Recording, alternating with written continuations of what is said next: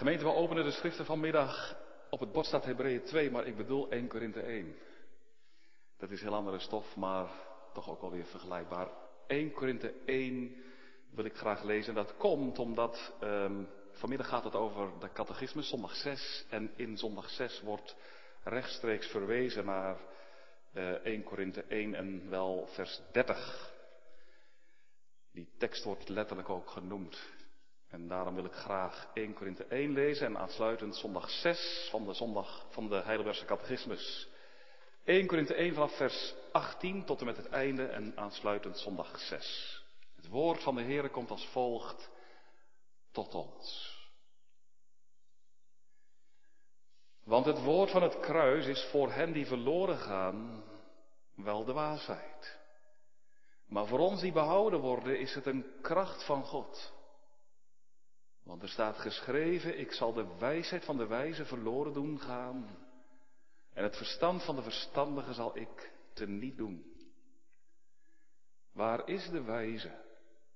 Waar de schriftgeleerde? Waar de redetwister van deze wereld? Heeft God niet de wijsheid van deze wereld dwaas gemaakt? Want omdat in de wijsheid van God de wereld door haar wijsheid God niet heeft leren kennen, heeft het God behaagd om door de dwaasheid van de prediking zalig te maken, hen die geloven. Immers de Joden vragen om een teken en de Grieken zoeken wijsheid. Maar wij prediken Christus, de gekruisigde. Voor de Joden struikelblok en voor de Grieken een dwaasheid. Maar voor hen die geroepen zijn, zowel Joden als Grieken, prediken wij Christus, de kracht van God en de wijsheid van God. Want het dwaze van God is wijzer dan de mensen en het zwakke van God is sterker dan de mensen. Let namelijk op uw roeping, broeders. Er zijn onder u niet veel wijzen naar het vlees, niet veel machtige, niet veel aanzienlijke. Maar het dwaze van de wereld heeft God uitverkoren om de wijze te beschamen. En het zwakke van de wereld heeft God uitverkoren om het sterke te beschamen. En het onaanzienlijke van de wereld en het verachten heeft God uitverkoren. En wat niets is, om wat iets is te niet te doen. Omdat geen vlees voor hem zou roemen. Maar uit hem bent u in Christus Jezus, die voor ons is geworden, wijsheid van God en gerechtigheid, heiliging en verlossing. Opdat het zal zijn, zoals geschreven staat, wie roemt, laat hij roemen in de Heere. Dan de tekst uit zondag 6, vraag en antwoord 16 tot en met 19. Waarom moet hij, de middelaar over wie vraag 15 uit zondag 5 spreekt, waarom moet hij een waarachtig en rechtvaardig mens zijn?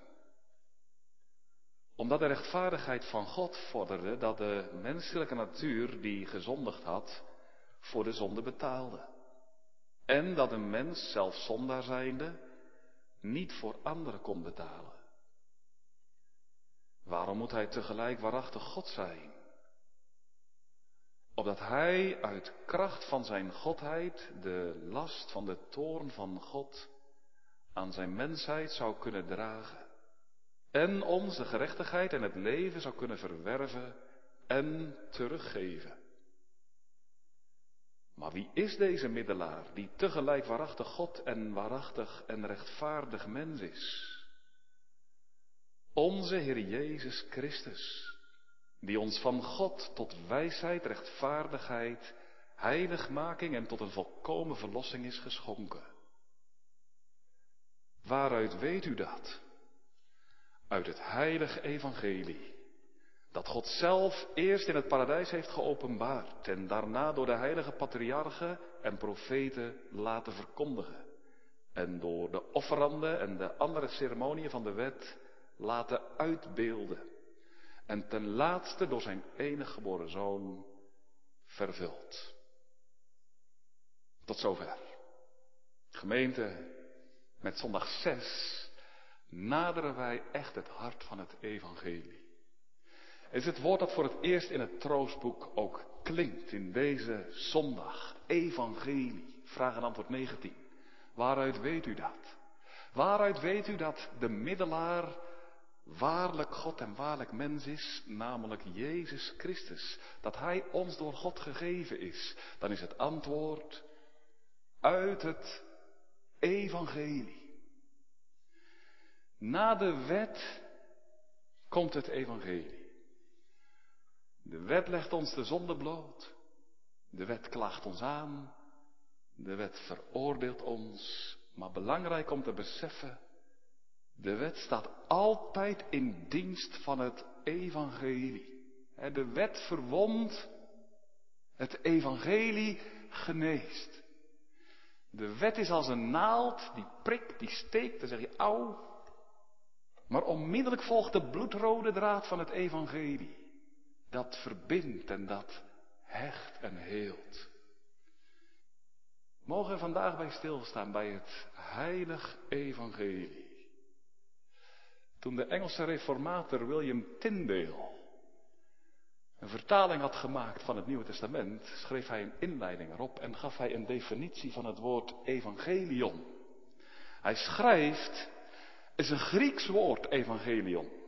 En het betekent goede, vrolijke, blijde, vreugdevolle tijding.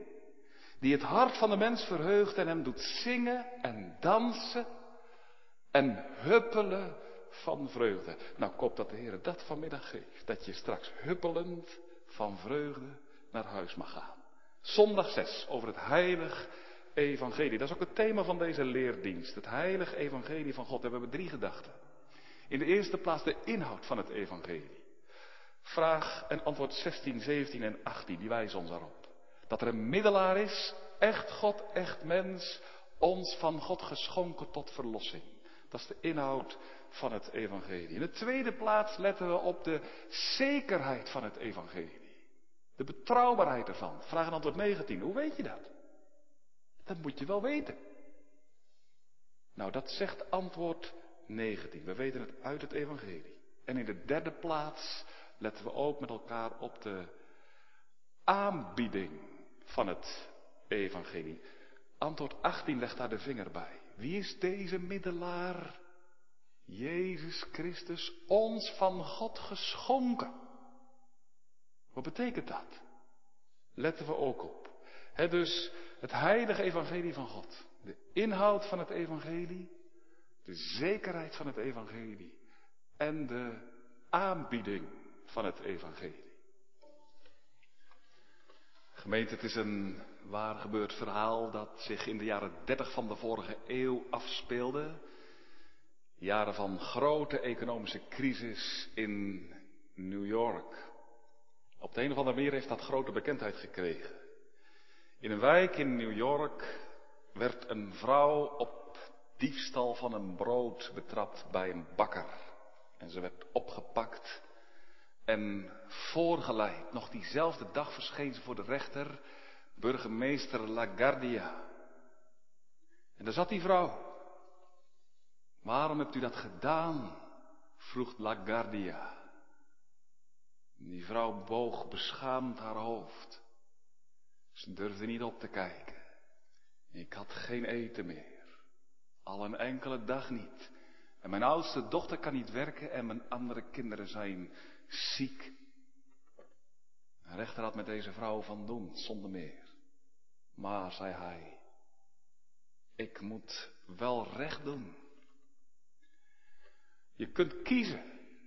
Tien dagen hechtenis of tien dollar boete. Mensen in de zaal waren ontroerd.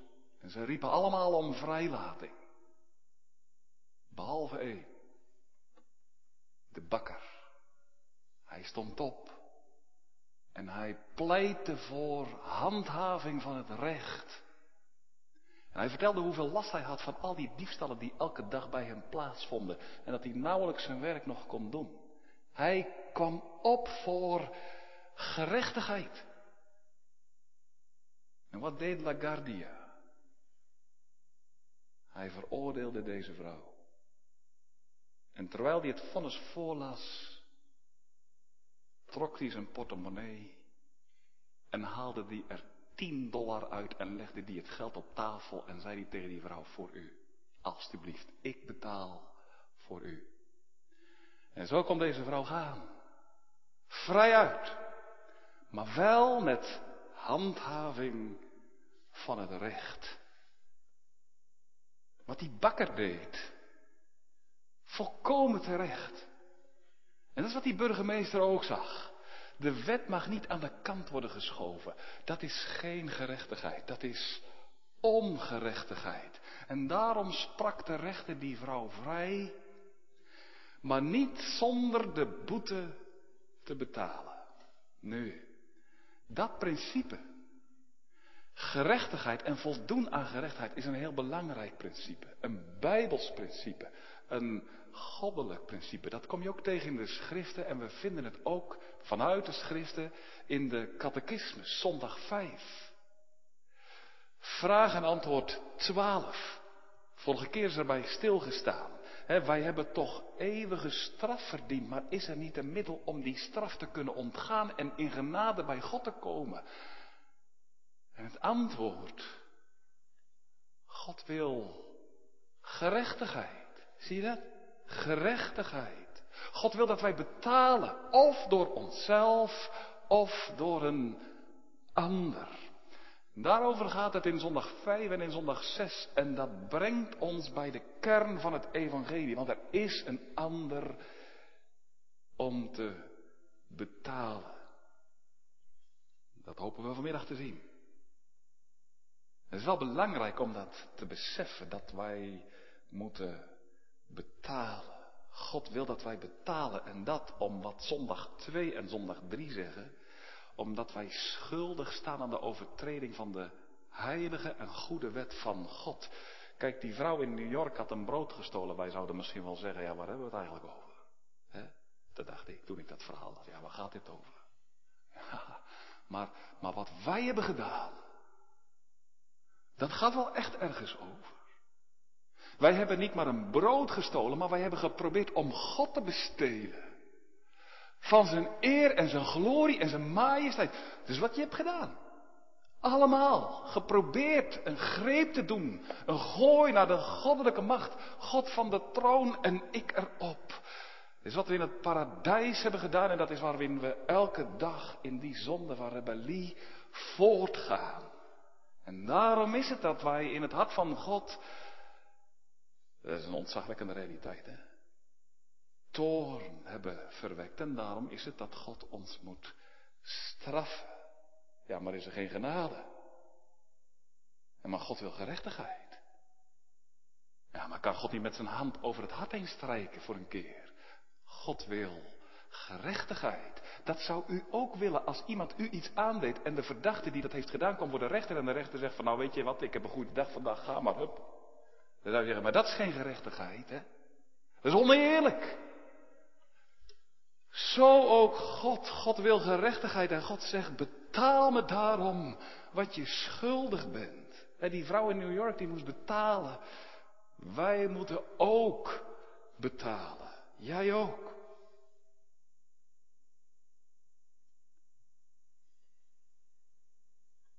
Opvallend hè, hoe vaak het woordje betalen in zondag 5 en 6 voorkomt. Antwoord 12. Wij moeten volkomen betalen. Vraag 13. Kunnen wij door onszelf betalen? Vraag 14. Kan een ander voor ons betalen? Antwoord 16. Gods rechtvaardigheid eist dat de mens voor de zonde betaalt. dat is de eis van God. En, en als God je tot bekering brengt of heeft gebracht, dat hoop ik. Tot geloof in de Heer Jezus dan laat hij deze eis ook echt in je hart zinken en wegen. Je moet betalen. En je kunt niet betalen. Dat is wat God laat verkondigen, ook als je daar tot nu toe aan voorbij leefde, of je jezelf misschien wel met een ja, slaapdrankje, dat kan ook, hè, in slaap houdt en sust je geweten zo wat stilt van, ah, maar kom allemaal wel goed hoor. Dan laat God het je verkondigen, betaal me. Oh, je moet betalen betalen, je staat bij mij in de schuld. En dan maakt zondag 5 één ding heel helder. Je kunt het zelf nooit. Onmogelijk. Je bent er zelf niet toe bij machten. Je kunt zelf niet, nog niet een penning, en een cent aan die hemelhoge schuld die je bij God hebt betalen.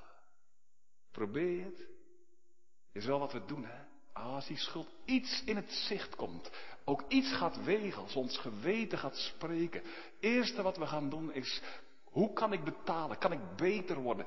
Over die boeg gooien, over die boeg. Als je er nog mee bezig bent, dan geef het op. Je moet betalen.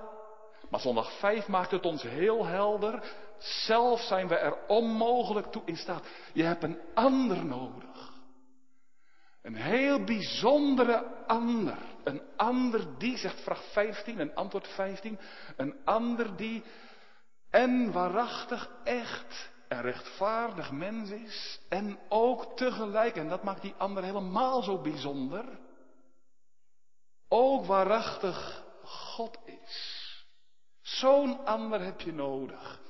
Is er zo'n ander niet, dan is het over. Dan is maar één mogelijkheid over dat je voor eeuwig zult omkomen. Is er zo'n ander wel, dan is er hoop. Want als er zo'n ander is die echt mens is en echt God, dan is diegene in staat om onze hemelhoge schuld tegenover de Heere God af te lossen. Maar dan moet hij dat wel zijn. En mens. En ook God. Waarom? Waarom als je een middelaar, wij kunnen zelf niet betalen. Het moet een middelaar zijn die het doet. Maar dan moet die middelaar wel echt mens zijn. Waarom echt mens? Wat denk jij? Wel, dat komt omdat echte mensen echte zonde hebben bedreven met een echt lichaam en een echte ziel. Die zonde, dat is maar geen fictie. Dat zijn hele concrete zonden. Met deze handen zondigen wij. als wij iets pakken, iets ons toenemen, eigenen wat ons niet toekomt. En met deze mond, deze lippen, moet je eens aan voelen. Deze lippen zijn het. Waarmee wij zondigen als wij verkeerde woorden over anderen uitspreken. Of als wij onwaarheid spreken. Of als wij nou, leugentje om best wil. Wij zondigen met onze ziel, hè, ons verstand. Als we ons verstand gebruiken voor verkeerde dingen. Als wij onze ziel, hè, ook onze, onze wil en onze zinnen zetten op dingen die onrein zijn, on, onzuiver. En als wij ons gevoelsleven, we hebben gevoelsleven, het is zo kostbaar hè, zo mooi ook. Hè? Gevoelsleven dat wij dat hebben, dat wij blij kunnen zijn, vreugde kunnen ervaren, geluk kunnen genieten. Maar als wij dat gevoelsleven laten meeslepen door onreine praktijken, dan, dan zondigen wij. En dan gebruik je je lichaam en je ziel verkeerd. Niet zoals God dat heeft bedoeld. En dan zegt God, ja maar dat wil ik niet. Zo heb ik je niet bedoeld. Betaal. Ik wil gerechtigheid. Dat is wat God zegt. En, het is volstrekt helder dat God dan zegt van ja maar als je je lichaam zo gebruikt en je ziel oneigenlijk, dan wil ik dat je daarvoor betaalt met datzelfde lichaam en met eenzelfde ziel. Die moeten voor gerechtigheid zorgen. Als iemand bij jou 500 euro in het krijt staat, ja, dan ga je er ook niet mee akkoord dat iemand dat komt aflossen. Ja, ik kan echt niet betalen, maar ik heb wel 500 euro monopoliegeld. Ja, dan zeg je, dat gaat natuurlijk niet door. Echt, het moet gelijkwaardig zijn. En daarom, die middelaar moet echt mens zijn. En ook rechtvaardig. Dat ook.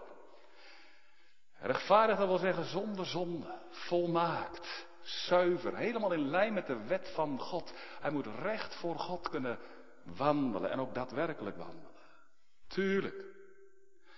Als je, stel, als je advocaat bent, en je bent tegelijkertijd ook, je maakt ook tegelijkertijd deel uit van een criminele bende en je pleegt met die mannen een overval en je wordt opgepakt. En je wordt voorgeleid en je zegt van ja, maar ik ben advocaat, ik wil graag bemiddelen voor eh, deze mannen, voor deze bendeleden. Dan zegt de rechter natuurlijk niet van oh dat is prima. He, dan gaat de rechter niet mee akkoord. Dan zegt de rechter van ja, jij bent zelf verdachte. Jij moet zelf worden opgepakt en jij moet zelf verantwoording afleggen. Nou zo is het ook in het geestelijke. Wij hebben een middelaar nodig die zelf zonder zonde is. Helemaal volmaakt. Als mens leeft. En dat is wat toch, want wij weten deze dingen allemaal wel, hè? maar toch is zo belangrijk om dat je goed te realiseren. Die middelaar moet werkelijk geen één keer zondigen. Zich nooit laten verleiden.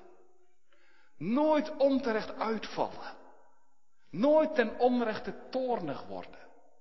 Nooit een uitglijder maken, niet de minste zonde bedrijven. Als die middelaar dat zou doen, dan zou die onmogelijk nog middelaar kunnen zijn. Dan zou die niks meer voor je kunnen betekenen.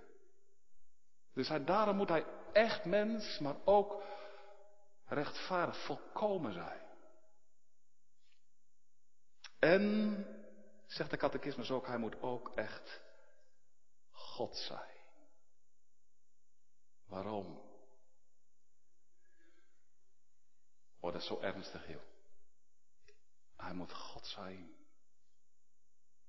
Omdat hij ook als mens in staat moet zijn de toorn van God, de volle last van de toorn van God te dragen.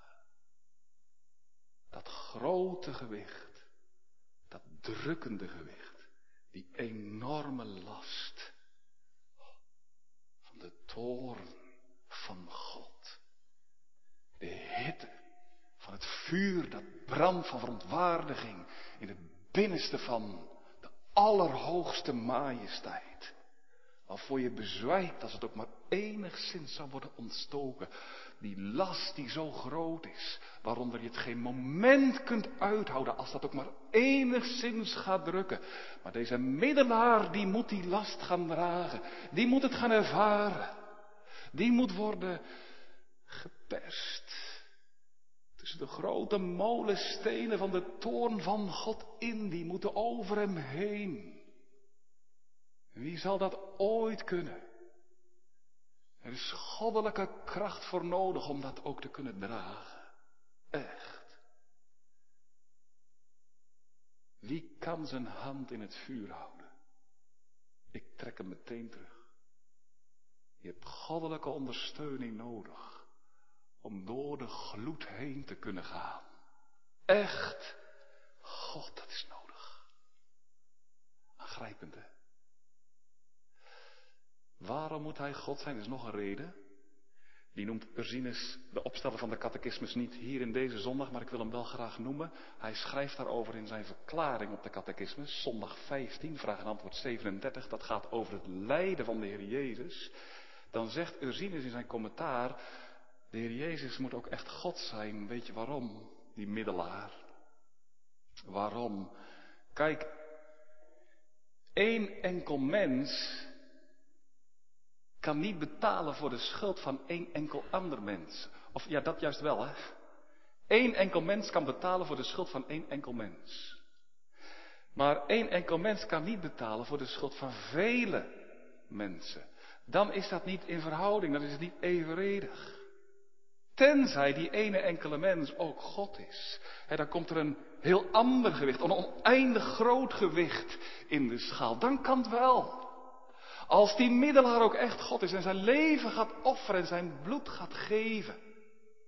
Dan is dat goddelijk bloed. En dan is dat bloed heeft waarde genoeg. Oneindige waarde. Dan kunnen wel Duizend werelden door deze middelaar worden vrijgekocht en dan kan deze middelaar wel betalen voor duizend werelden. Al de schuld aflossen. Nu. Daarom moet deze middelaar en mens zijn en ook tegelijkertijd God. En nou is de, de, de, de allesbeslissende vraag. De aller, allerbelangrijkste vraag.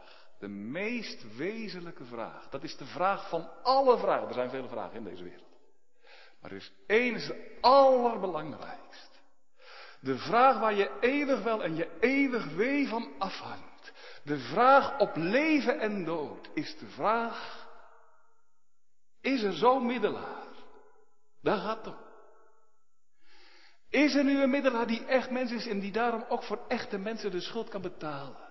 Is er een middelaar die ook echt God is en die daarom ook in staat is om de toorn van God over de zonde te dragen en dat niet alleen voor één enkel mens, maar voor velen? Is zo'n middelaar? Het antwoord. Ja, die vraag die gaat wegen natuurlijk, hè? Kijk, zeker als je geweten spreekt. Spreek je geweten vanmiddag? Zijn er onder ons? Als ze terugzien in hun leven dat ze zeggen, oh, wat heb ik gedaan? Misstappen, misdaden. En dan wordt je hart, zoals het avondmaalformulier zegt, bezwaard. Weet je niet meer hoe het moet. Als het zo bij je is, dan is deze vraag, is er een middelaar, maar niet een weetvraag, maar dat is echt een existentiële vraag. Een vraag in de nood van je leven. Is er zo'n middelaar? En dan het antwoord. Het antwoord is zo kostbaar en zo vreugdevol en zo vol van blijdschap. Echt een antwoord zoals William Tyndale zegt, om je te laten dansen en je te laten huppelen van vreugde. Het antwoord is ja. Er is zo'n middelaar.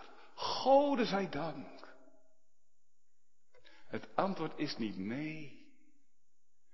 Het antwoord is, dominee, dat wist ik al. Jawel, dat weet ik ook wel.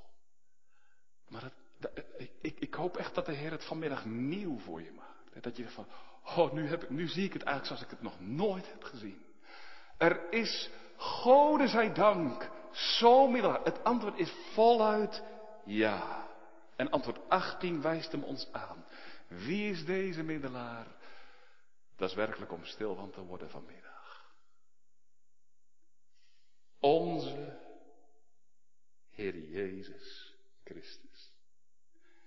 Als je je catechismusboekje voor je hebt en je hebt een pen bij je, dan zou ik bijna zeggen, zet er een cirkel mee. Onze Heer Jezus Christus. Dit is evangelie. Dit is zo'n blijde boodschap dat dit hier staat. Zo vreugdevol, zo'n goede tijding. Dit is de kern van het troostboek. Kern van de catechismus, de slagader. Onze Heer Jezus Christus. Ik weet niet wat er in het hart van Zacharias Ursinus omging toen hij deze woorden optekende. En die commissie die meelas, commissie van theologen in Heidelberg, hè, die daarbij betrokken waren en daar toezicht op hadden. Maar ik kan me zomaar indenken dat, dat, dat, dat Zacharias Ursinus even zijn pen heeft neergelegd. Mannen, laten we nou even gaan zingen. Onze Heer Jezus Christus. Hier zetten we het neer, mannen. Hij is de middelaar dit is een jubel. Als een trompetstoot. Onze Heer Jezus Christus. Hij is de middelaar tussen God en de mensen. Hij is het die de toorn van God gaat dragen. Die zware last. Hij zal eronder gebukt gaan. Die hitte van die vlammen. Hij zal ze dragen. Die boze blik in de ogen van vader. Hij zal er zich door laten verschrikken. Hij betaalt. Hij zorgt voor gerechtigheid. Hij zal de schuld met zijn eigen bloed aflossen. Onze Heer Jezus Christus, ons van God geschonken. Voegt de catechismus eraan toe. Dat is ook zo wonderlijk, hè? Van God zelf geschonken. God zelf schenkt deze middelaar. Wij hoeven er niet voor te zorgen. God zelf zorgt ervoor. Net als die rechter in New York. Hij ziet die vrouw en zegt, je kan niet betalen. Nee, dat zie ik wel. Dan zegt die rechter, ik betaal. Dat is wat God doet. God ziet de zonde. En hij zegt, nou moet ik straffen. Maar dan opent hij zijn hart, zijn liefdeshart. En dan vanuit zijn hart schenkt hij zijn zoon, zijn enige. Hij, de beledigde partij, God zelf. Hij schenkt Jezus en, en, en, en die gaat voor gerechtigheid zorgen. En hij kan dat ook omdat hij en God en mens is. Waar? Echt? Is Jezus echt en mens en God? Hoe weet je dat? Ja, dat is een goede vraag. Hoe weet je dat? Dat moet je wel weten. Want als dat niet zo is, dan is mis. Als Jezus van Nazareth niet echt en mens en echt God is, dan wankelt alles. Dan staat alles op losse schroeven. En daarom is het zo belangrijk, hoe weet je dat? Hoe ben je daar zeker van? Dat Jezus van Nazareth echt mens is, maar ook echt God. Staat dat echt onlogenbaar, ontwijfelbaar vast? Is dat echt buiten kijf? Hoe weet je dat? Worstel je daarmee misschien? Hoe kan dat dat de Heer Jezus echt mens is en echt God? Wel, vraag 19 gaat erop in. Hoe weet je dat? Het is nodig, hè? We hebben vaste grond onder de voeten nodig. Niet van, nou, ja, dat geloof ik wel natuurlijk. Ja, zeker. Ja, dat zeg je nou wel. Ah, dat is wel wat ik geloof. Ja, ja, ja, ja. Maar als het nou niet zo is. Hoe weet je dat dan eigenlijk? Als het nou niet waar is.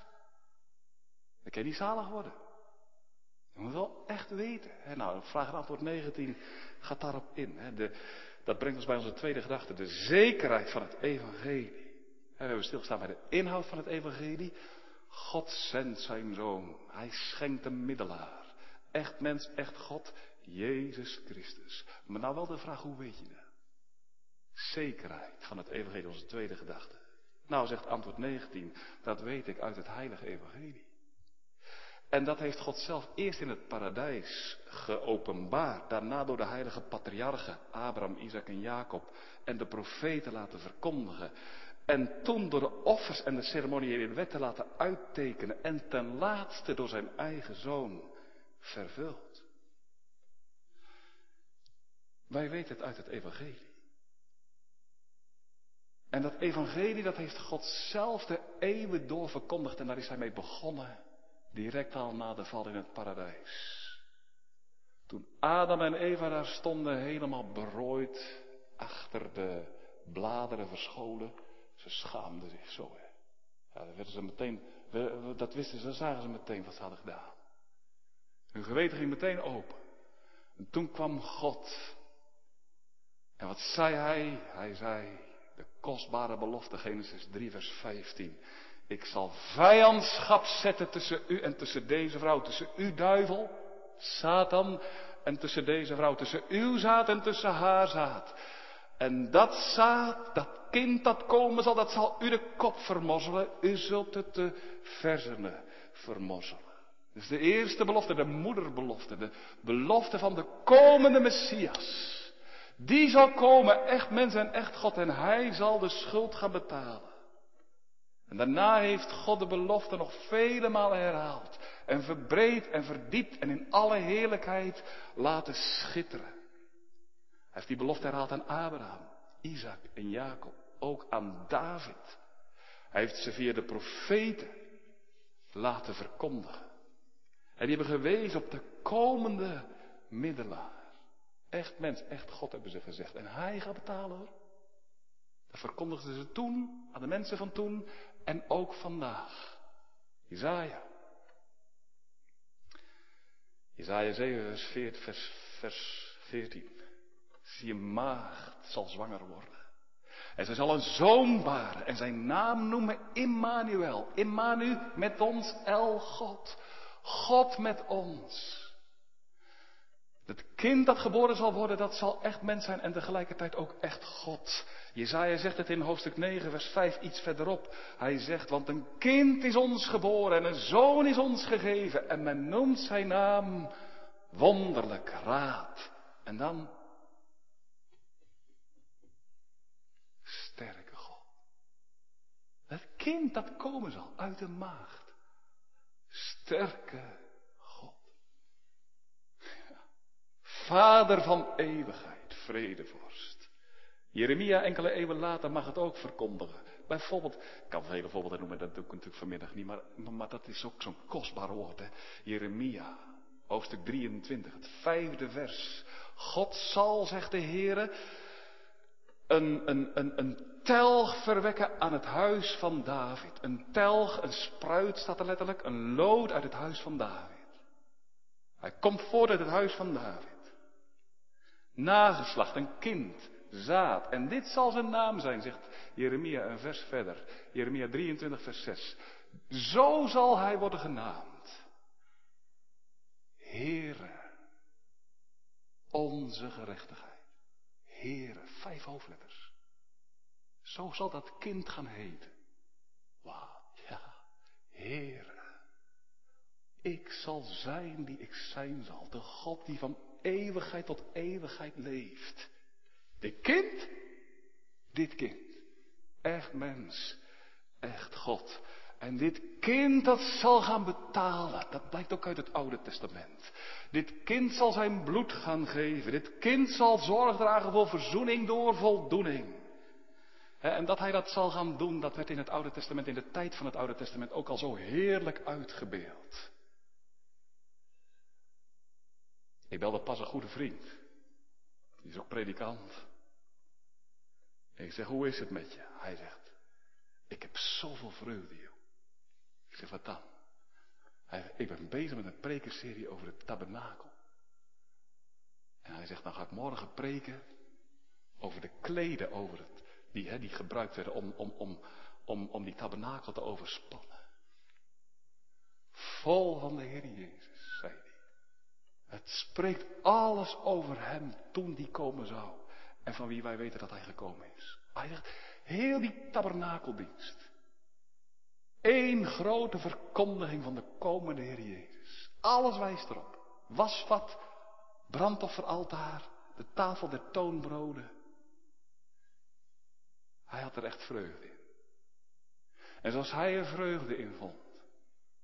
En zo vonden de mensen in de tijd van Mozes, 3500 jaar geleden, ook vreugde in hem die afgebeeld werd in heel die ceremoniële dienst bij de tabernakel de Heer Jezus Christus. Schuldverslagen zielen toen wisten, hij komt.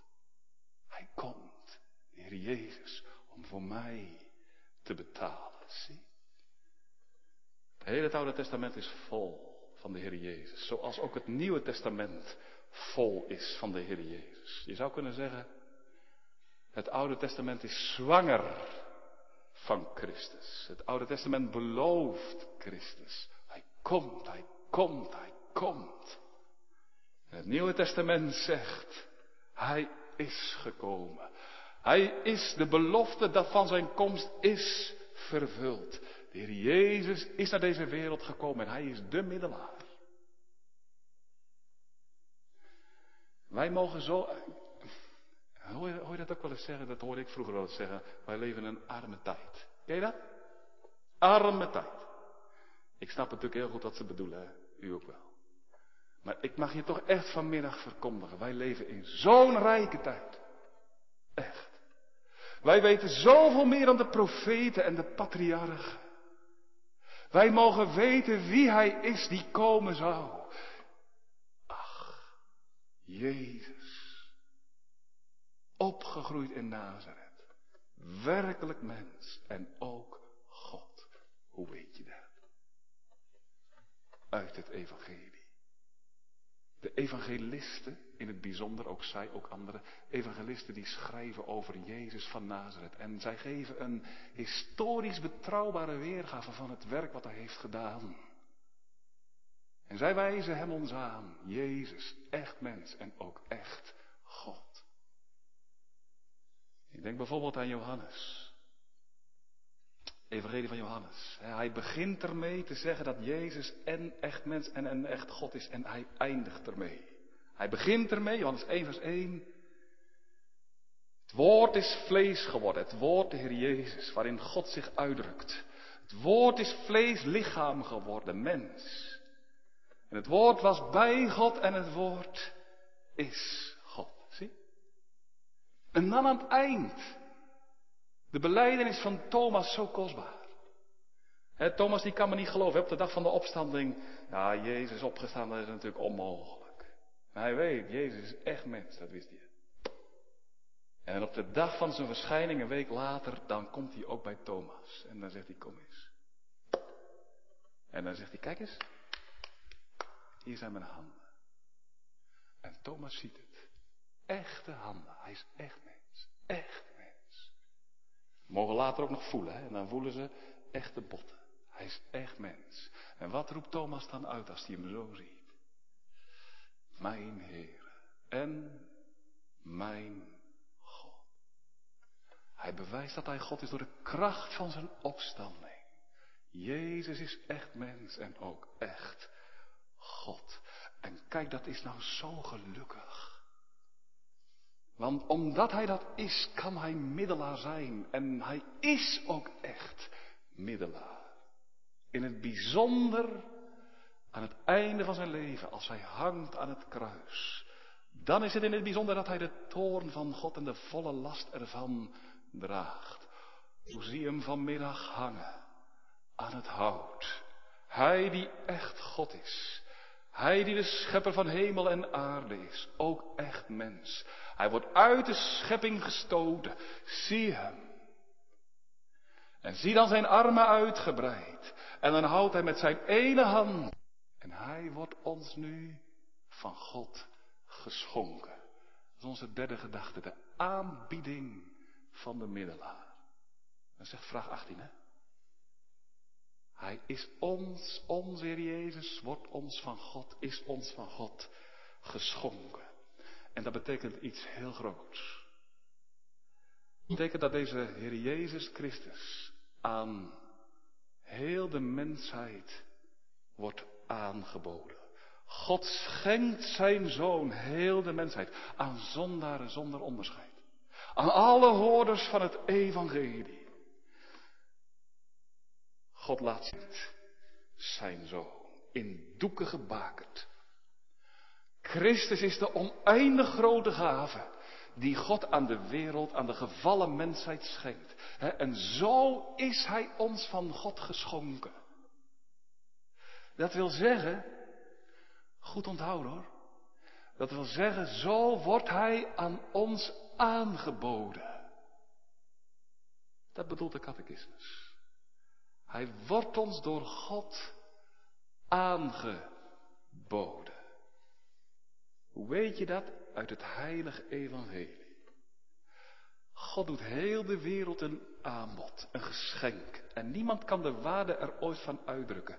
Zijn zoon. Hij biedt de wereld zijn zoon aan. Hij schenkt de wereld zijn zoon. Hij reikt de wereld zijn zoon aan. Hij zet hem als het ware bij mensen op schoot, ook bij jou. Hij legt zijn zoon als het ware in de armen van alle hoorders van het evangelie. Ook bij jou. God biedt zijn zoon aan alle aan. En in die zin is de Heer Jezus ons aller middelaar. En dan gaat het erom dat wij hem ontvangen door het geloof. Dat je hem in bezit krijgt. En dat gebeurt door het geloof. Je kunt het vergelijken met een huisarts. We hebben allemaal een huisarts. Ik ook. Toen wij hier kwamen wonen, kregen wij dokter Quispel. Prima huisarts. Goeie arts. Ik mag echt zeggen, dat is mijn, mijn huisarts. Mijn huisarts. Waar het nou op aankomt, is dat als ik ziek ben, deze huisarts, dokter Quispel, ook erken en aanvaard als mijn huisarts en ook gebruik van hem maak. dat als ik iets heb, dat ik dan bel en zeg van, dokter, u bent toch mijn huisarts? Zou ik dan vanmorgen bij u mogen komen? En vindt u dan goed dat ik bij u vandaag op bezoek kom? Nou, dan zegt hij natuurlijk, welkom. Waar gaat het om? Dat je naar hem toe gaat. Ik heb soms wel iets en uh, ben moe of zo. En dan zeg ik dat een paar keer tegen mijn vrouw. En dan zegt ze van, dan ga naar de dokter. En dan denk ik van ja, Daar heb ik nou geen zin in. En dat ga ik niet. En dat is natuurlijk dom. Als je iets hebt, als je ziek bent, dan moet je naar je dokter toe. Dan moet je hem bellen. Nou, en zo is het ook geestelijk. U hebt een dokter, een middelaar, van God geschonken. En nu gaat het erom dat je naar hem toe gaat. En dat je door het geloof gebruik van hem maakt. Hij heeft altijd spreekuur. Zijn deur staat altijd open. Maak van hem gebruik. Door het geloof. Wij bellen ons huisarts als we COVID hebben, toch? U, u bent besmet met een ernstiger virus dan COVID. Haat. Haat. Haat. Haat tegen God en de mensen om je heen. Daarom heb je een middelaar nodig. God schenkt hem. Hoe dom ben je als je van een huisarts geen gebruik maakt terwijl je doodziek bent. Maar hoe dwaas als je dodelijk verwond bent door de zonde en je maakt geen gelovig gebruik van deze Heer Jezus Christus. Dat is aangrijpend, dat is erg. God zegt vanmiddag tegen je, je moet betalen, je schuld aflossen. Want je staat bij mij in het krijt. En dan zegt God, en ik geef zelf het betaalmiddel, de Heer Jezus Christus. En als je dan aan hem voorbij leeft. En hem nog niet een blik waardig keurt. Hè, of, nou ja, misschien even, maar dan weer verder leeft. Dat is toch vreselijk, dat is zeker vreselijk. Dan zondig je niet alleen tegen de wet, maar dan zondig je ook tegen het evangelie. Onze Heer Jezus Christus, de middelaar die God ons heeft geschonken. Een kostbaar zinnetje. En tegelijk, dan gaan we allemaal van huis uit aan deze middelaar voorbij. En dat ligt niet aan de oprechtheid van deze aanbieding en de echtheid van de aanbieding, want die is oprecht en die is echt, maar dat komt door de verdorvenheid van ons hart omdat wij, zoals zondag 3 zegt, geheel onbekwaam zijn door eigen schuld en geneigd tot, om, onbekwaam tot enig goed en geneigd tot alle kwaad. En omdat wij volgens zondag 5 alleen maar in staat zijn om schuld op schuld te stapelen. Erken je dat? Dat is wat je doet. Dat we allemaal doen, van huis uit. Worstel je daarmee? Oh God, nou doet u zo'n aanbod. En dan leef ik toch zomaar allemaal door. Hoe moet het dan? Nou, nou is één ding zo gelukkig. Dat God er raad mee weet. De middelaar. Hij. Hij kan banden van ongeloof verbreken en harten vernieuwen. Zijn er onder ons die met ongeloof worstelen? Wat God je leert, hè? Als hij je tot geloof brengt, dan ga je ook leren dat je zo ongelovig bent. Dat je niet weet hoe je ooit moet geloven. Dan zeg je misschien wel, heb je dat vanmiddag in je hart? Ik pluk eerder een ster uit de hemel dan dat ik de Heer Jezus Christus aanvaard door het geloof. Nou, maar, maar voor zulke mensen is zondag 6 nou zo troostvol. Want vraag en antwoord 17 zegt nog iets heel moois. Dan wil ik nog de vinger bij leggen en dan gaan we eindigen. Maar ik wil niet nalaten om dat eerst ook nog te zeggen tegen hen die worstelen met het ongeloof, doet God zo'n aanbod. En hoe zal ik hem dan ooit kunnen ontvangen? Wat lees aan het eind van antwoord 17? Die middelaar moet ook waarachtig God zijn, opdat hij voor ons de gerechtigheid en het leven zou kunnen verwerven en teruggeven. Daarom al. Hij moet ook waarachtig God zijn. Hij moet betalen, gerechtigheid teweeg brengen, leven, de zaligheid. Hij moet het verwerven, maar hij moet het ook aan je teruggeven. Hij moet het ook bij je thuis brengen. Hij moet het ook aan je hart toepassen. Daar moet hij ook toe in staat zijn. Hij moet het heil verwerven, maar hij moet ook het heil toepassen. Hij moet alles doen. Hij moet een volkomen zaligmaker zijn. Hij moet niet heel veel doen en wij ook nog een beetje? Dat zeggen de remonstranten. Dat zeggen de Arminianen. God doet heel veel en dan moeten wij ook nog een beetje doen. Nee, nee. Zo is het niet. Gelukkig niet. God doet alles. Deze middelaar doet alles. Hij verwerft de zaligheid, maar hij brengt het ook bij je thuis. Hoe? Daar gebruikt hij nu goddelijke kracht voor. En daarom is er hoop. Voor blinde mensen. Voor dove mensen. Voor ongelovige mensen. Want Christus heeft goddelijke kracht. En weet je wanneer hij die nu aanwendt? Wanneer hij blinde ziende maakt en ongelovige gelovig. Als hij zichzelf laat aanbieden. In de aanbieding van het evangelie. In de aanbieding van het evangelie wendt hij in het bijzonder zijn kracht aan. Als hij zichzelf laat aanbieden. En als dan de oproep klinkt. Ontvang hem. Geloof in hem. Neem hem aan. Als die oproep klinkt, dan wil hij er kracht aan toevoegen, zodat je hem ook daadwerkelijk gaat zien. En je ogen open gaan. En je handen krijgt om hem aan te nemen. En dan ontvang je hem. Dat is wat, hij, dat is wat de Heer Jezus doet. Met zijn goddelijke kracht. Dus hij laat zich voor ogen schilderen in de prediking. Hij laat zichzelf aanbieden. Hij laat zich neerleggen in je armen. En dan komt de oproep erbij. Ontvangen. Ontvangen. En met die oproep, die gebruikt de Heer Jezus. Om het geloof in te roepen. Op te wekken. En dan ga je geloven. Dan ga je hem zien. Dan strek je je armen naar hem uit. Dus heel belangrijk. De oproep tot geloof. Die gebruikt de Heer Jezus om geloof in te roepen. En moet je proberen te onthouden. Ja, ik heb al heel veel gehoord, dominee, jawel, maar dit is echt cruciaal. De Heer Jezus roept je op tot geloof.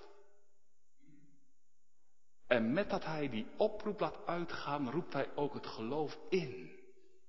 Dat is wat de Heer Jezus doet. Nou, daarom wil de Heer Jezus dat in de prediking hij zondaren alle hordes wordt aangeboden. En met de oproep erbij om hem te ontvangen.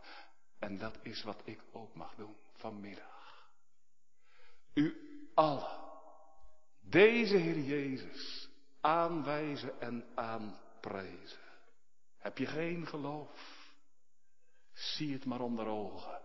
Maar weet, de Heer Jezus geeft het, deelt het uit.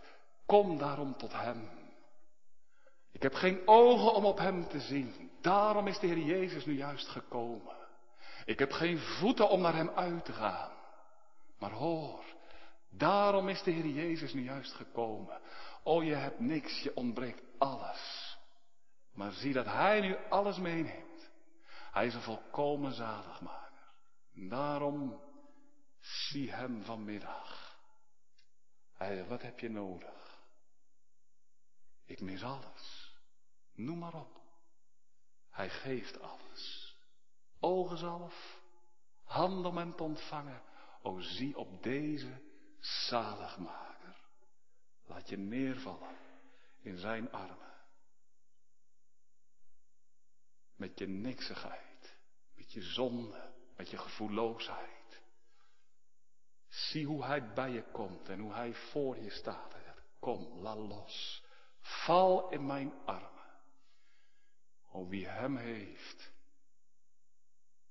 die mag vanmiddag zeggen, hij betaalt. Hij is ook mijn middelaar. Hij is me werkelijk geschonken, ik bezit hem. En nu mag ik weten, hij heeft betaald. Niet alleen voor anderen, maar ook voor mij. Is dat geen evangelie? Is dat geen blijde boodschap? Dit is het evangelie. Amen.